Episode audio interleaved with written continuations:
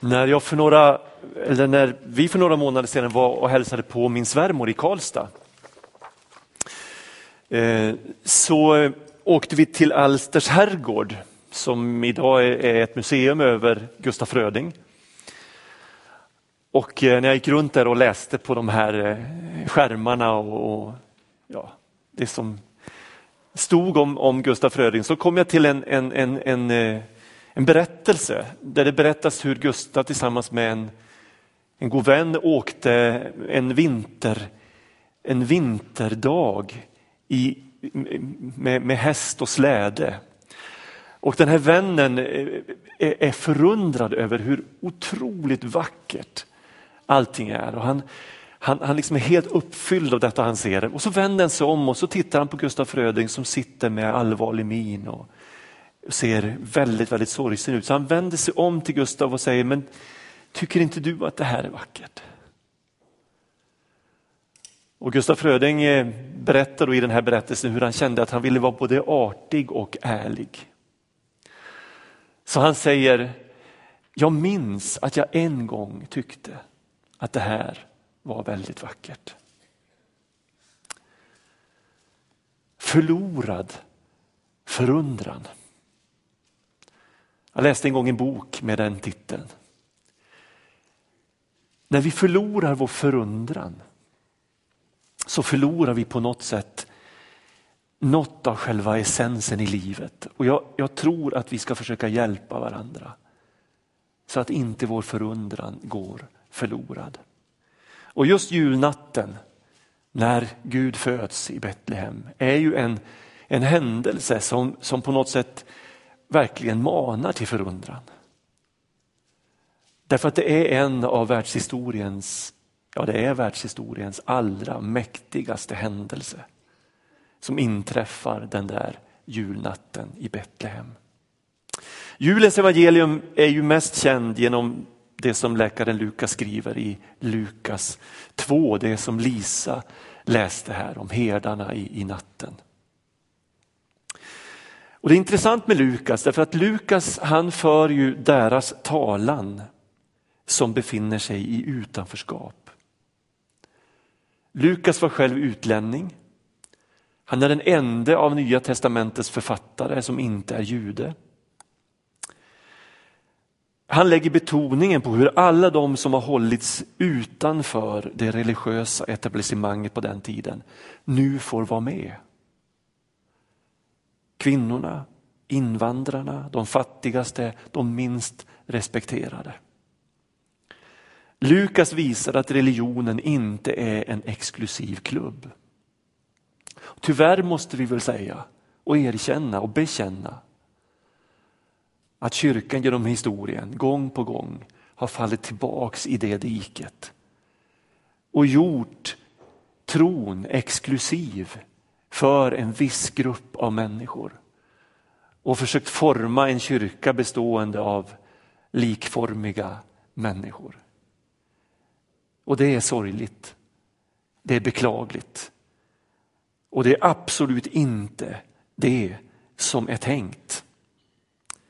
Lukas visar hur alla vi som har stått utanför och tittat in på livet utan hopp om att bli insläppta plötsligt få se hur dörrarna slås upp och eh, eh, vägen öppnas och Gud är den som hejar på. Försök fånga den bilden, hur livet, vägporten till livet öppnas och Gud är den som hejar på. Kom igen. Jag vill att du ska komma in.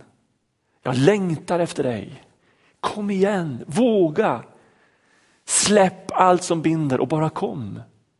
Gud hejar på. Nu är det ju så att en stor och viktig händelse som den här händelsen i Betlehem, den beskrivs ju ofta från olika synvinklar av olika personer och så är det också med världens frälsares födelse. Johannes, evangelisten Johannes, han har ju också en julberättelse som inleder evangeliet. Så här står det i Johannes evangelium och jag läser valda versar från den första till och med den artonde. I begynnelsen fanns ordet och ordet fanns hos Gud och ordet var Gud. Det fanns i begynnelsen hos Gud. Allt blev till genom det och utan det blev ingenting till av allt som finns till. Ordet var liv och livet var människornas ljus och ljuset lyser i mörkret och mörkret har inte övervunnit det.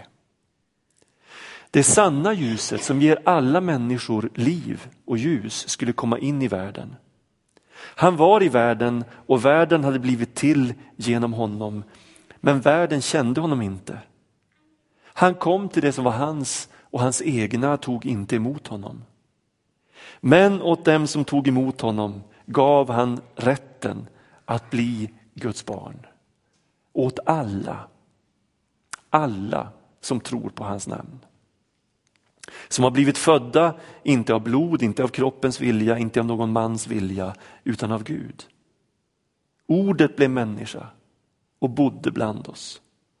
Och vi såg hans härlighet, en härlighet som den enda sonen får av sin fader och han var fylld av nåd och sanning. Lagen gavs genom Mose, men nåden och sanningen har kommit genom Jesus Kristus.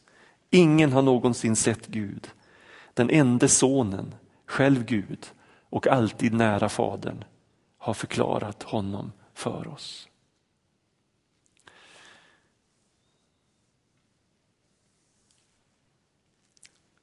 Den himmelska och gudomliga inramningen till det här dramat i Betlehem som förändrat världshistorien är verkligen både förunderlig och storslagen. Det här ögonblicket när himlen förklarar sig genom änglar, änglakörer som Lisa läste, har dimensioner som övergår vårt förstånd. Johannes evangelium börjar precis som Bibelns första bok, första Mosebok börjar. I begynnelsen. Det här uttrycket är ganska intressant. I grekisk filosofi så famlade man efter att hitta en, en utgångspunkt. En första princip eller ett första element. Man försökte på filosofins grund knyta ihop början och slutet och låta båda förlora sig i det obegränsade. Och när Johannes väljer grekiskans arke, jag tror att det uttalas så, som betyder begynnelsen eller som är översatt med begynnelsen i våra biblar. Eh, för att beskriva en början i absolut mening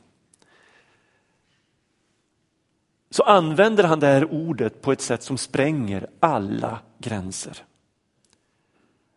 Därför att det är knutet till och används som benämning på Gud, den evige. I Uppenbarelseboken läser vi jag är A och O. Det är Jesus som säger det. Jag är A och O. Den första och den siste. Början och slutet. Och man skulle alltså kunna säga att början och slutet, det som i vår begränsning kan uppfattas som tidsbegrepp i begränsad mening, för, förlora sig i det obegränsade genom att uppgå i Gud. Gud den evige, Gud som står utanför tid och rum. I första Mosebok berättas hur Gud med sitt ord får världen med människan som kronan på verket att bli till. Johannes beskriver hur frälsningen, den andliga pånyttfödelsen blir till genom ordet. Jesus skapar ordet, blir människa för att återföra och lyfta den trasiga och olyckliga människan in i den position som hon är skapad för att vara i. Ordet blev människa sammanfattar julens fantastiska budskap. Det ord som används här för ord, logos, är också, var också ett viktigt ord i den grekiska filosofin. Ordet var den ordnande och bestämmande principen i tillvaron. Den rationella och oföränderliga lag som styr alla förvandlingar och gör att tillvaron inte utgörs av ett, ett eh, fullständigt kaos. Logos var en sorts kontrollerande faktor i den grekiska filosofin. Ett mönster efter vilken allting annat formas. Johannes tar det här ordet och så låter han det beteckna Jesu Kristi person. En annan av Bibelns författare, Paulus, han skriver så här om Jesus. Han är den osynlige Gudens avbild. Den förstfödde i hela skapelsen, ty i honom skapades allt i himlen och på jorden, synligt och osynligt, troner och herravälden, härskare och makter. Allt är skapat genom honom och till honom. Han finns före allting och allting hålls samman i honom. I begynnelsen var ordet och ordet blev människa och bodde ibland oss. Egentligen står det att han tältade ibland oss. Han var fylld av nåd och sanning. Den enda sonen, själv Gud och alltid nära Fadern, har förklarat Gud för oss. Jag säger det här för att på något sätt måla upp den här väldiga bilden som borde fylla varje människa med förundran. Hur vi vilsegångna, eh, oerhört små människor bereds en möjlighet genom att Gud uppenbarar sig för oss att finna vägen till livet. Och det är för alla människor. Jag läste igenom trosbekännelserna för jag, jag, tycker att det är intressant att, att se vad, vad är det man inom kyrkan har, har slagit fast för att försvara den kristna tron mot alla försök att eh, förytliga eller förvanska de goda nyheterna. Och den, den, den yngsta av kyrkans trosbekännelser, den atanasianska trosbekännelsen, som är en ganska lång trosbekännelse, säger så här om Jesus. Men för den eviga salighetens nödvändighet måste vi tro att vår Herre Jesus Kristus har blivit kött. Så är det en rätt tro att vi tror och bekänner att vår Herre Jesus Kristus, Guds son, är i lika mån Gud och människa. Gud är han såsom född av Faderns väsen, före all tid. Och människa är han såsom född av moderns väsen i tiden. Helt och fullt Gud och helt och fullt människa. Med förnuftig själ och mänsklig kropp. Jämlik Fadern efter den gudomliga naturen. Ringare än Fadern efter den mänskliga naturen. Och även om han är Gud och människa är han likväl inte två, utan en enda Kristus. Men en enda är han, inte så att den gudomliga naturen förvandlats till mänsklig, utan så att den mänskliga naturen har antagits av Gud. En enda är han, inte så att naturerna sammanblandas, utan så att personen bildar enheten. Ty liksom den förnuftiga själen och kroppen bildar en enda människa, så utgör Gud och människa en enda Kristus, vilken har lidit för vår frälsnings skull. Nedstigit till dödsriket, uppstått från de döda, uppstigit till himlarna, sitter på Faderns högra sida och ska därifrån komma igen för att döma levande och döda. Så står det om Jesus i den atanasianska trosbekännelsen. Idag mer än 2000 år senare, efter det att han föddes i Betlehem, så räknar vi vår tid från den här händelsen. Allt som hände innan, det hände före Kristus. Allt som händer efter, det händer efter Kristus. Allt som har, som har hänt sedan dess har hänt efter hans födelse. Och Det här tycker jag är mycket mer förunderligt än vad vi kanske i, dagligt, eh, i, i våra dagliga liv tänker på. Det blir ännu mer förunderligt när vi tänker på att det här sker i en avkrok av världen som ingen skulle kunna peka ut på kartan. Genom en ung människa som ingen skulle räknat med. Presenterat för de fattigaste bland fattiga. Som inte ens hade rätt att rösta i domstolen. Så långt från mänskliga maktstrukturer man kan komma, osynligt för alla. Utom för den människa som börjar lyssna på sitt innersta. Som vill kännas vid sin hunger, sin törst. Efter det som vi djupast, djupast sett är skapade för och längtar efter. För den människan öppnar sig undret. Vad är det han kommer till? Ja, om den himmelska och gudomliga inramningen är förunderlig så är den jordiska och mänskliga inramningen ganska deprimerande. Det känns som om hela den här texten suckar under bekymmer. Under vardagens kamp att få livet att gå ihop.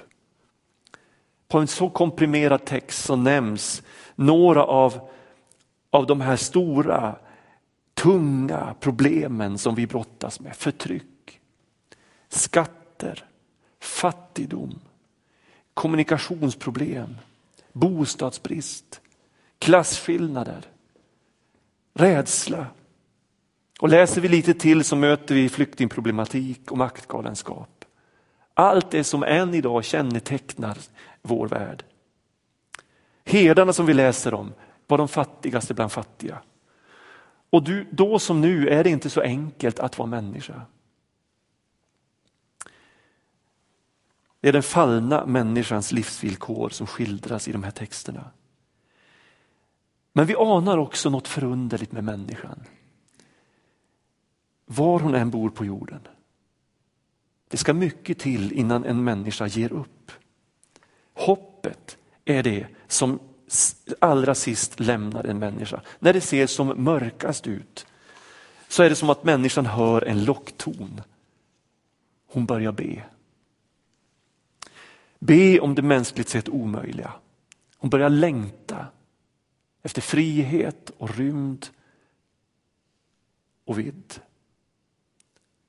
Varför? Jo, därför att hon är skapad för något större, något som gått förlorat men som ändå finns kvar där som en aning. Det här barnet som föds i Betlehem ska senare tala om det här som en hunger, som en törst. Och han säger till och med salig är den som är fattig i sin ande. För den människan ska livet öppna sig.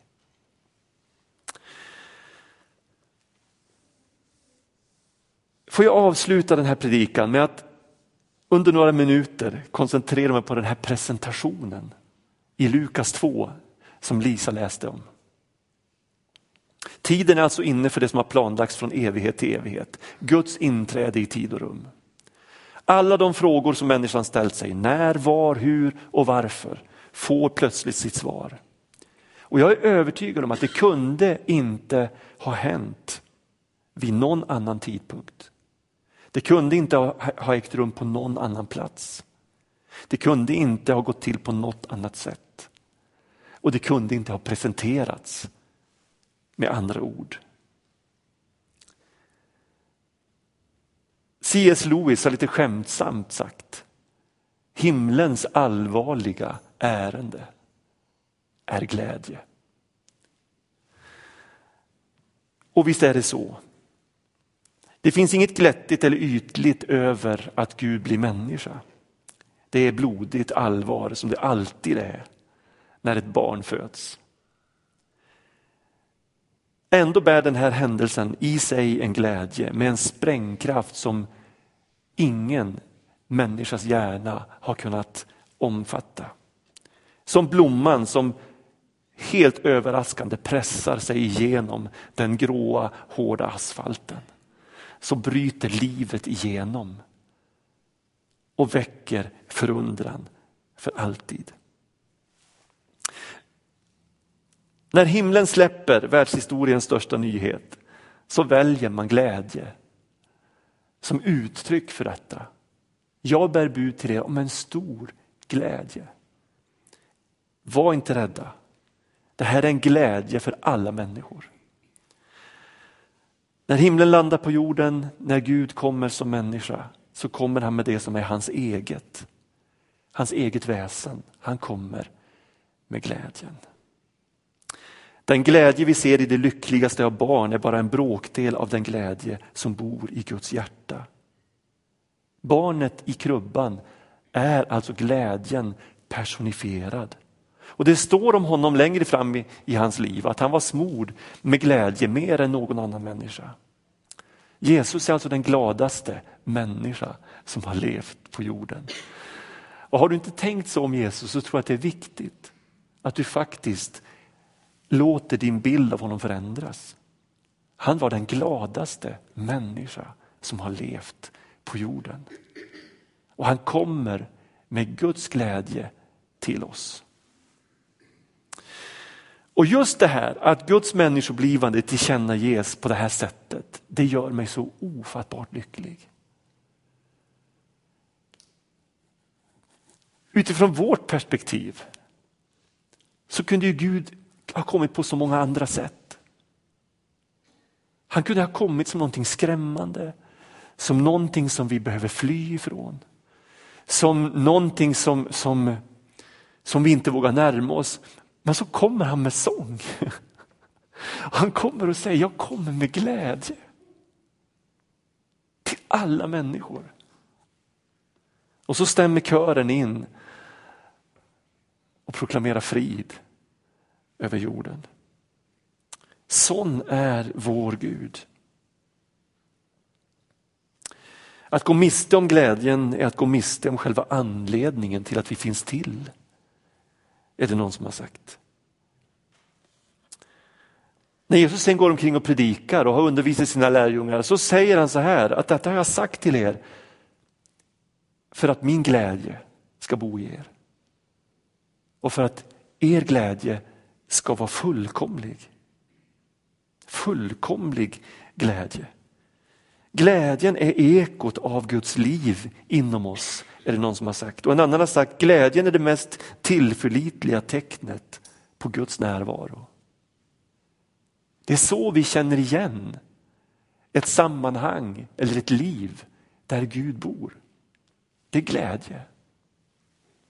Fröjd i Herren är vår starkhet, står det i Bibeln. Alltså glädjen är ett vapen som Gud har gett oss för att vi ska leva livet som han har tänkt. Det är inte en tillfällighet att den unga Maria som blir mor till Guds son, att det är den unga Maria som blir mor till Guds son. Och det är inte heller en tillfällighet att det är fattiga herdar som först får det här glädjebudet. Det står om Maria när hon möter sin släkting Elisabet, hon är höggravid och hon möter sin släkting så, så, så sparkar barnet till i magen. Hon blir överfallen av glädje och hon brister ut i lovsång. Redan innan Jesus är född så sprider han glädjen i Marias liv. Om herdarna står det att de vände tillbaks från stallet till fåren. Jublande. Med glädje och lovsång i sitt liv. Den grå, tunga vardagen förvandlas av glädjen för Gud. Och Gud vill uppfylla hela jorden med den glädjen. Ska Gud få bli glädjens Gud för dig? Ja, det här var ju en annan dag när vi kan välja en ny väg. Och Jag tänker mig att det handlar om att börja nu.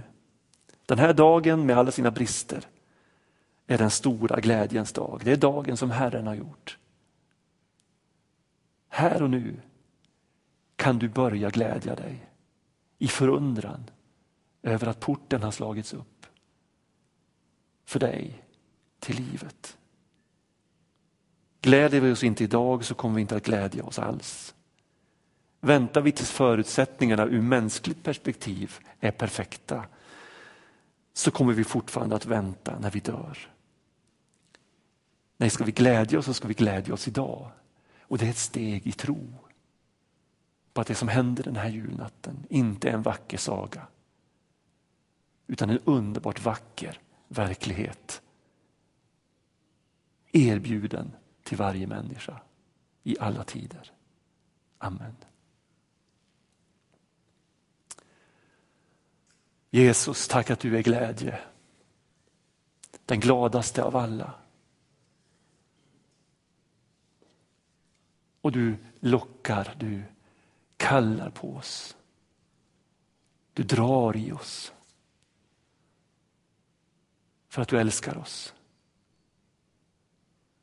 Jag vill särskilt den här stunden be för den som har förlorat sin förundran. För den som har förlorat sitt hopp. För den som längtar efter att tro men inte kan. För den som är trött och rädd. Jag ber om ett under i den människans liv just nu.